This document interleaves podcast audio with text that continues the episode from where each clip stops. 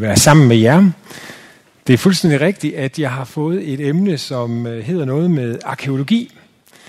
Det var Rasmus, der skrev til mig, Rasmus Jonstrup, jeres ungdomspræst, som øh, er tidligere studerende ved os i Menighedsfakultetet, og som åbenbart har opfanget, at der er et eller andet med mig og arkeologien. Og det er også rigtigt. Det er da, det går tilbage til, da jeg selv var studerende og øh, var i Israel midt i studiet. Øh, det har jeg endda taget et billede med her. Skal vi se, om det virker. Sammen med min ungdoms hustru, som heldigvis også er min, ja, hvad skal vi snart sige? Ikke min gamle hustru, men øh, som jeg hentede heroppe i Aalborg. Så det var jo simpelthen rigtig god kvalitet. Og øh, jeg fandt ud af der midt i studiet, øh, at øh, man kunne komme til Israel, og det snakkede vi lidt om, og det kom vi så, og det viste sig, at øh, man kunne oven i købet få en præstekjole på. Det er noget særligt, hvis man studerer til præst i sådan en folkekirkelig sammenhæng, det kan I nok fornemme, ikke? Så kom til Israel og få lov at få en præstekjole på. Det, de så ikke havde fortalt, det var, at de, øh, de er ikke så høje i Israel. Så når man... og det var, dengang der var det smart med hvide strømper i sandaler. Det ved jeg ikke, om det er længere. Men bortset fra korte præstekjoler og så videre, så øh, det, som ramte mig og slog mig, som jeg på en måde ikke kom videre ind, øh, da vi var der i Israel, det er, at arkeologien tager os på en tidsrejse. Arkeologien har gravet alle mulige ting op til os, som vi blandt andet ser her, som hjælper os til at få en, en fornemmelse, en indsigt i, hvad der foregår i Bibelen, så den rykker i øjenhøjde. Bibelen er jo gammel, og øh, den er også fra en anden kultur. Den er mange tusind kilometer væk herfra. Og der sker mange ting i Bibelens fortællinger, som øh, umiddelbart, når man lige går til dem, så kan de faktisk være svære at forstå. Men ved at bruge arkeologien og historien, oplevede jeg dengang, så var det lidt ligesom at tage en art tidsrejse, hvor man kommer tilbage og faktisk ser, at de mennesker, der lever i Bibelens sider, de er jo helt almindelige. De ser jo ud ligesom os, sådan nogenlunde lidt anderledes påklædning, men de er jo helt almindelige. De havde helt almindelige håb og drømme. De havde en hverdag, de kæmpede med. De øh, havde ting, de ønskede sig. De havde ting, der ikke lykkedes. Og så gik de i de situationer øh, til Gud. De gik til templet, de gik til synagogen, de gjorde øh, det ene og det andet. Alt sammen for at finde ud af, hvad er Guds mening med mit liv. Og det svarer vel egentlig meget godt til der, hvor vi er i dag. Ikke? Så det, jeg kunne tænke mig, at vi skulle, det er, at vi skal læse en tekst sammen, øh, som øh, jeg hentede fra Matteus evangeliet, som jeg tænkte passer til årstiden. Der er jo ved at, selvom de siger, at vi har utrolig varmt i øjeblikket her i november, så er det jo ved at blive lidt koldere, og vi er på vej mod december, hvor det bliver advendt og på vej mod julen. En tekst om et øh, lys, der bliver tændt øh, øh, i julen, og en tekst, som måske kan spores ind på, at vi snart har den her advent, hvor vi skal øh, øh, gøre os beredte på at møde Jesus barnet. Og så er det en tekst, hvor øh, der sker en masse ting. Der er en masse ting, som man måske ikke lige øh, forbinder noget med, og øh, i første omgang, og det vil vi så bruge arkeologien til at se, om vi kan lukke op. Så dagens læsning er altså fra Matteus evangeliet, bliver det kapitel 4, vers 12-17. Da Jesus hørte, at Johannes var blevet sat i fængsel, drog han bort til Galilea.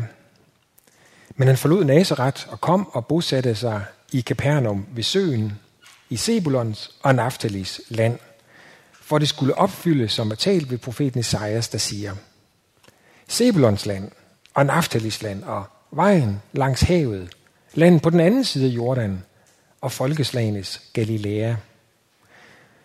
Det folk, der sad i mørket, har set et stort lys, og de, der sad i dødens land og skygge, for dem brød lyset frem. Fra da begyndte Jesus at prædike, omvend jer, for himmeriget er kommet nær. Jeg kunne ikke tænke mig at gøre det her til nogen indviklet prædiken. Ikke engang, hvis det lykkes, en støvet prædiken med masser af arkeologi. Så jeg vil egentlig bare give min pointe her lige med det samme. hvad er det, jeg oplever, Gud har lagt mig på hjerte øh, til os i dag. Jeg tror nogle gange, at øh, vi kommer til at forholde os til Bibelens budskab til os, øh, lidt ligesom øh, den blå planet. Og den er jo flot, og ikke et ondt ord om den. Og der er også noget ved Bibelen, som er som den blå planet, forstået på den måde, at det er generelt, det, det omfatter det hele. Det er ikke bare sagt til nogen, men det er sagt til alle. Det er ikke bare sagt i en bestemt tid, men det er sagt til alle tider. Det er ikke bare en Gud, der var Gud én gang, men en Gud, som er Gud altid. Så der er noget i Bibelens evangelium, der er som den blå planet. Men hvis vi alene forstår det kristne budskab på den måde, så får vi det måske lidt ligesom sådan en, øh, en vane, vi lever efter. Vi, øh, vi går i kirke. Måske læser vi Bibelen, måske beder vi. Øh, måske bliver det en form for en livsfilosofi. Man skal tro på et eller andet for at kunne holde til den her virkelighed, vi lever i. Den er jo vild og voldsom. Hvad skal være det, som leder os? Så det, jeg oplever, Gud har talt til mig om i dag, og som jeg gerne vil dele med jer, det er, at Guds evangelium er altid meget mere end generelt. Det er konkret. Det er altid helt konkret i øjenhøjde om konkrete mennesker i konkrete liv, som har konkrete ønsker, drømme og håb, som Gud ønsker at være en del af. Hvis vi prøver at tage den tekst, vi har læst, så møder vi jo altså en, øh, en hel masse ting, som man måske lige ved første øjekast ikke forbinder noget med, men som hvis man lytter til teksten der, da den blev prædiket, da den blev sagt første gang, så bliver den pludselig enormt konkret. Så er det ord, som omkransner der, hvor man står. Vejen langs havet, Sebulon, Naftali, Galilea, landet på den anden side af Jordan, er områder lige rundt omkring i en Vestjylland, Nordjylland, Østjylland. Skal vi tage Sjælland med i de her tider? Eller holder vi på Fyn? Ikke? Det er helt konkrete udsagn til konkrete mennesker. Det er sådan, Gud taler til os. Det er den Gud, vi tror på. Det er en Gud, der altid er konkret. Som altid ønsker at være den her gode far, der ser os ind i øjnene og vejleder os der, hvor vi er. Akkurat der, hvor vi er. Det kunne jeg tænke mig, at vi skulle prøve at tage på en, øh, kan man sige, en art arkeologisk tidsrejse for at prøve at, at se, om vi kan dykke ned og havne i den her læsning, i den her tekst, sådan som den må have lyttet øh, for dem, der hørte den første gang. Og, altså sådan, så vi kan få den her fornemmelse af, hvor konkret det har været. Altså hvor meget øh, resonans det har givet, når øh, Jesus pludselig taler om lyset til dem, der sidder i mørket. Hvad er det for et mørke, han taler om der i Sebulon og Naftalis land? Og så det der skal vi starte med at bruge en uh, satellit fra NASA, som giver os det store perspektiv over, hvor Israel ligger. Man taler nemlig om Israel som en del af det, man har kaldt for den frugtbare halvmåne. Og med det der mener man, at lige der, hvor tre verdens kontinenter møder hinanden, Afrika, Asien og Europa, der er der nogle kolossale ørkener. Der er en kæmpe stor ørken mod syd over i Arabien, den arabiske ørken, og der er en kæmpe stor ørken øh, i den anden retning mod syd, sydvest, Saharas ørken. Og så er der bare en lille, et lille bitte stykke land. Jeg kan zoome ind på det en gang, tror jeg.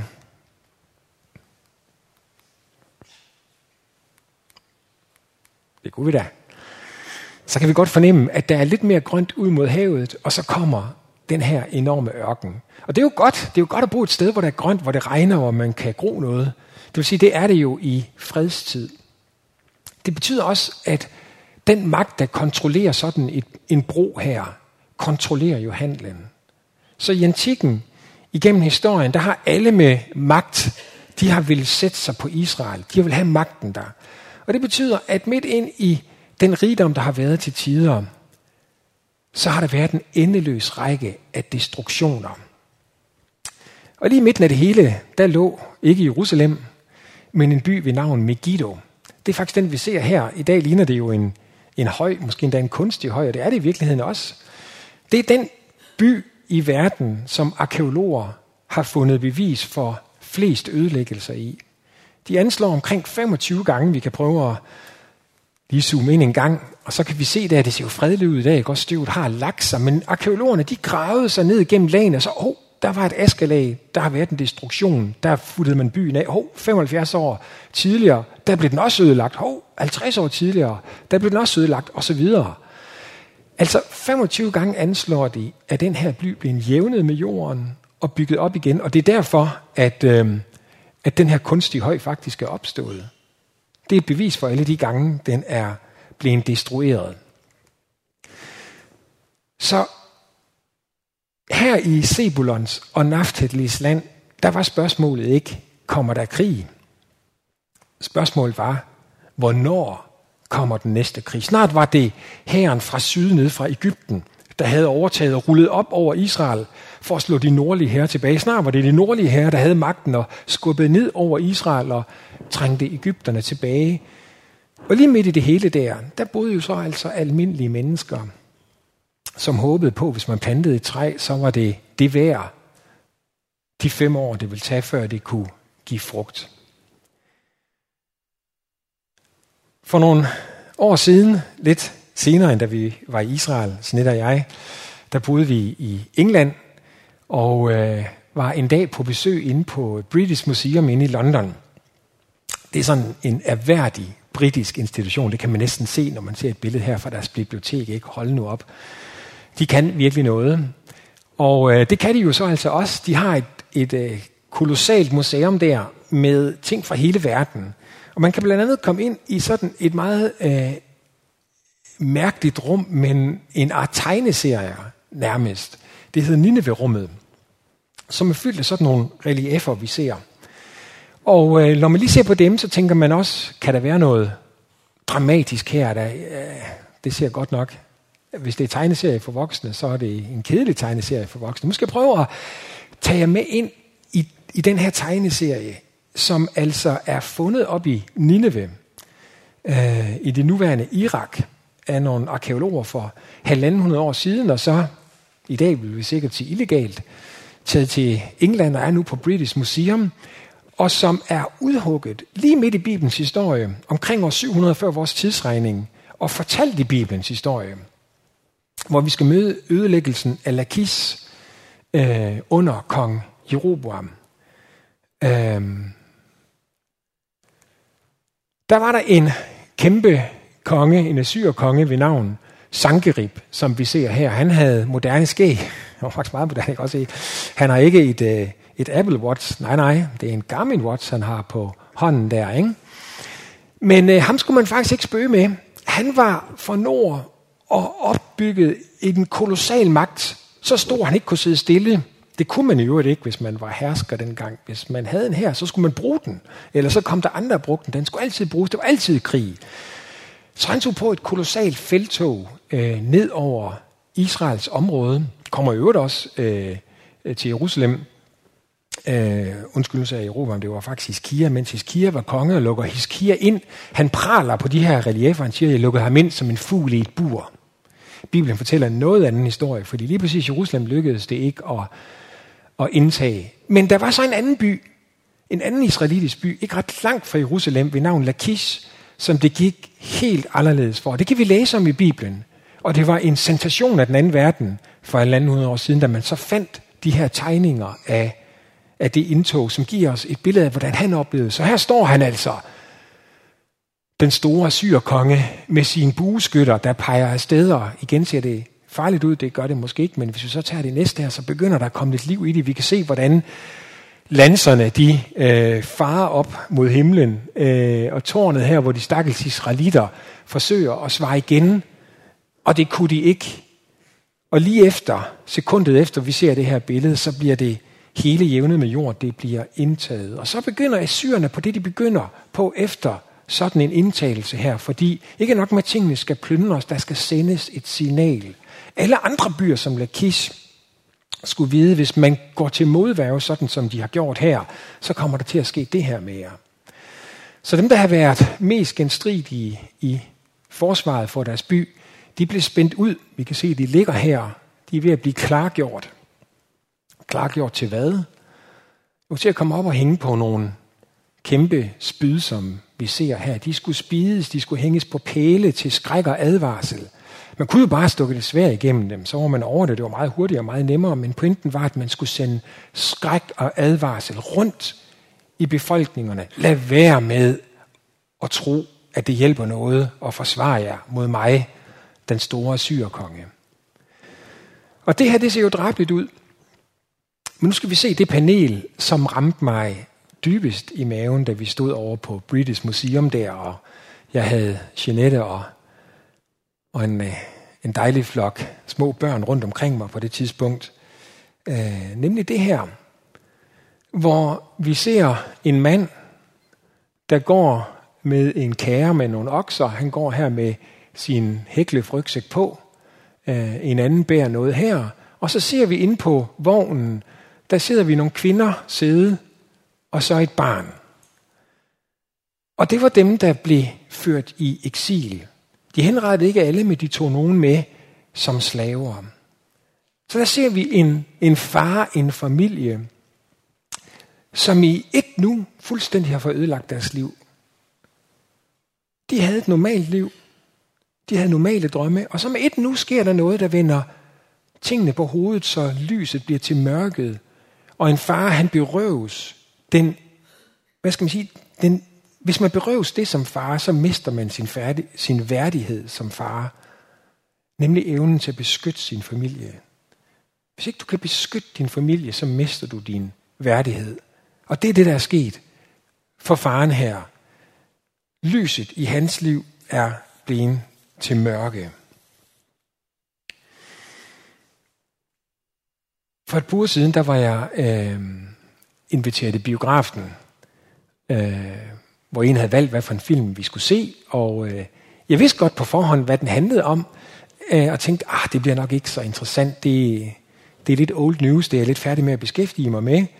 Øh, men der kom jeg til at se en film, som tog en situation af det her, og pludselig gjorde den virkelig for mig, tog den fra at være det her generelle billede af den blå planet, og så pludselig blev det en, en konkret smerte.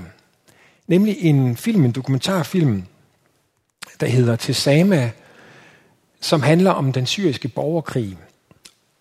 Vi har jo alle sammen set timevis, han er sagt, af billeder i tv-avisen fra den syriske borgerkrig. Og øh, hvis I har det ligesom mig, hvis I er lige så koldhjertet og kyniske, som jeg er, så den endeløse række af destruktion, den endte med at blive generel. Den endte med at blive uvirkelig. Det var da synd for dem, men det endte med at komme lidt på afstand. Den her øh, film til Sama er øh, lavet af en mor til hendes barn. Sama, øh, hende og hendes mand, valgte at blive inde i Mosul under øh, under belejringen i, i 2016. De blev der lige til det sidste. Manden drev et hospital, og hun arbejdede som journalist. Og hver eneste dag, så sendte de ting ud derindefra. I fem måneder tæppebombede Assad og de russiske jægerfly, de tæppebombede det her område. Og det var det, man ikke... Man kunne til sidst, det blev bare en generel klyngebombe. Hvem kan blive ved med at forholde sig til det? Men der så man så konkret deres kamp for at overleve i det, som før var lys, og nu pludselig var blevet mørke. Og så var det ikke længere et filmbillede, det var ikke længere en generel ødelæggelse, men det var pludselig en mor med et barn, som forsøgte at overleve i en grusom situation.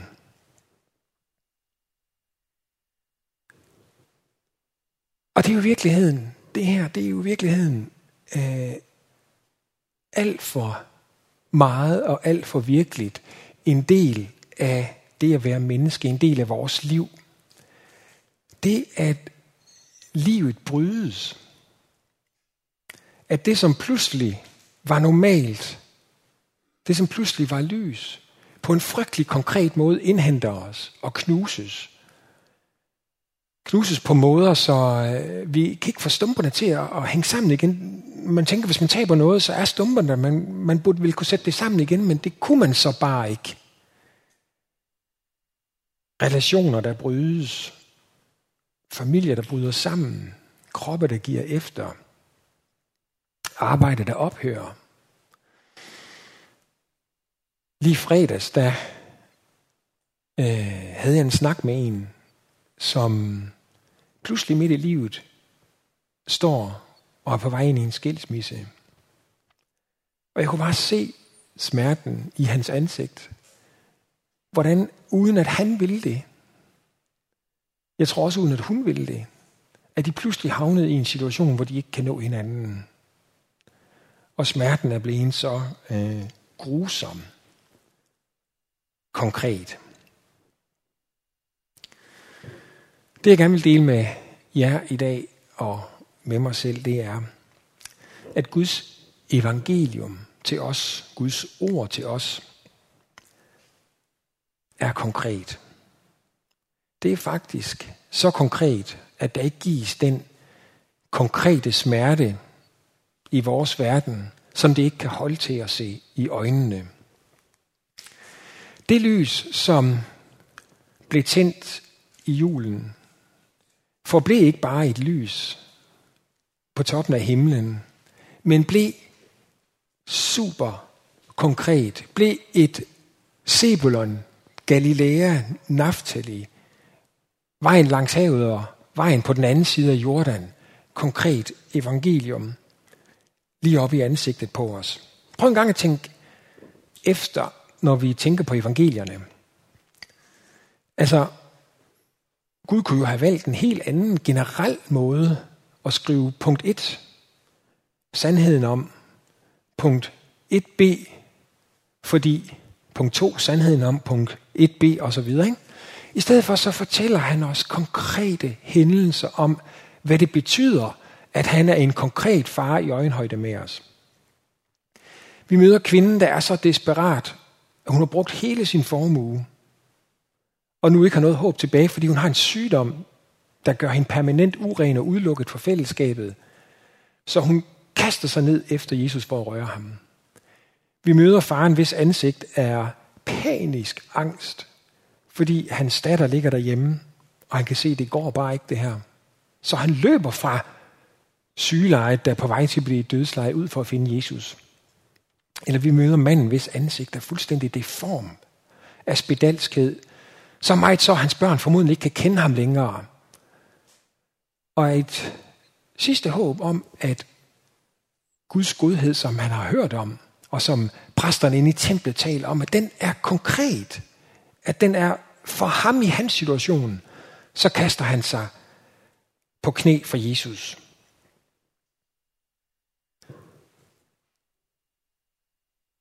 Det lys i det mørke, som er vores verdens mørke, som altid har det med at blive for konkret.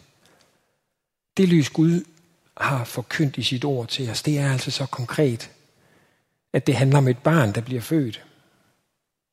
En mand, der vokser op, og som ender med at dø på et kors, og efter hvad jeg kan skynde, så er det at dø på et kors, så er det voldsomt konkret.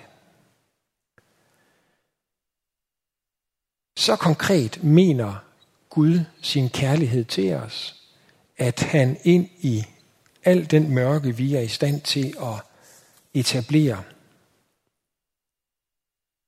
at der vil han selv gå med helt ind i korsets konkrete smerte. Det her det betyder for mig, det her julens konkrete budskab om lyset, der ikke bare bliver på afstand, men rykker helt tæt på os. Det betyder, at jeg i dag er blevet mindet om, hvad jeg egentlig tror er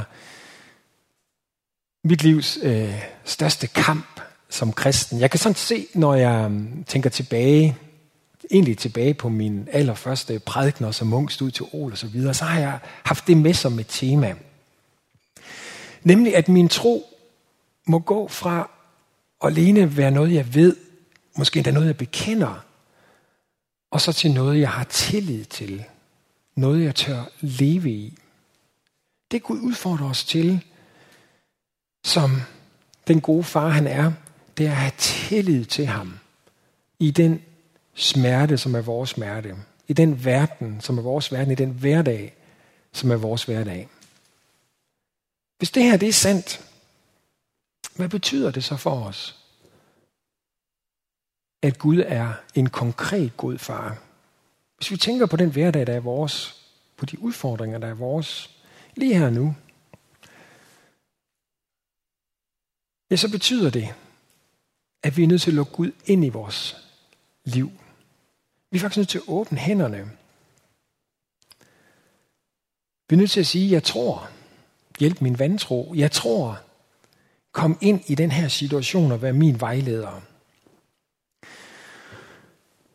Vi skal slutte med et arkeologisk sted, som er mit favorit arkeologisted af dem alle sammen. Så må det jo være godt. Der er træer i det. Øh, vi skal gøre det lige en anelse mørkere, fordi der, hvor vi skal besøge stedet, det er nemlig det, som skulle vise sig at være den sidste aften i Jesu liv. Vi er i Gethsemanes have. Der er nemlig en situation i Jesu liv, hvor han blev udfordret til at tro konkret. Så meget så, at han var lige ved at give efter. Så meget så, at han faktisk siger, er der en anden løsning? Kan vi gå en anden vej?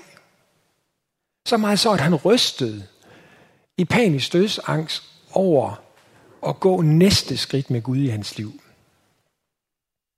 Og i den situation, der beder han en bøn. Han baner en vej, som vi i al vores usikkerhed og frygt og angst for at have konkret tillid til Gud, øh, kan lægge os ind i. Hvad man i virkeligheden kunne kalde for al bøns fortegn. Han siger i den situation, ske din vilje. Det er den allerstørste gave, troen kan give os. Det er at have så stor en tillid til Gud, at vi tør sige det over vores liv hver eneste dag med alt, hvad det rummer, fra lys til mørke. Åbne vores hænder og sige, ske din vilje, Gud. Alene det, når man siger det, så kan man mærke befrielsen. Tingene behøver sikkert blive, som jeg havde drømt om. Tingene behøver sikkert blive, som jeg vil have dem. Men jeg kan lægge dem ind i Guds hånd og sige, ske din vilje.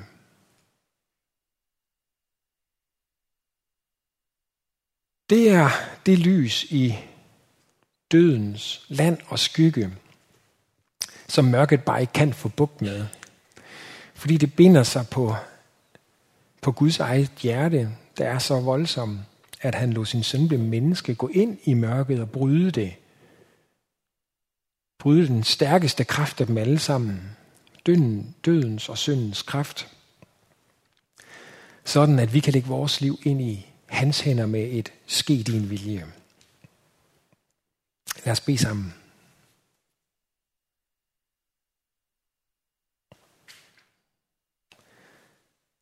Så Jesus, vi, vi takker dig for, at det er sådan. Lige her, hvor vi er, på det her tidspunkt i verdens historie, på det her sted, der er du konkret til stede. Der rækker din kærlighed. Der er den i øjenhøjde med os. Så vi beder, ske din vilje.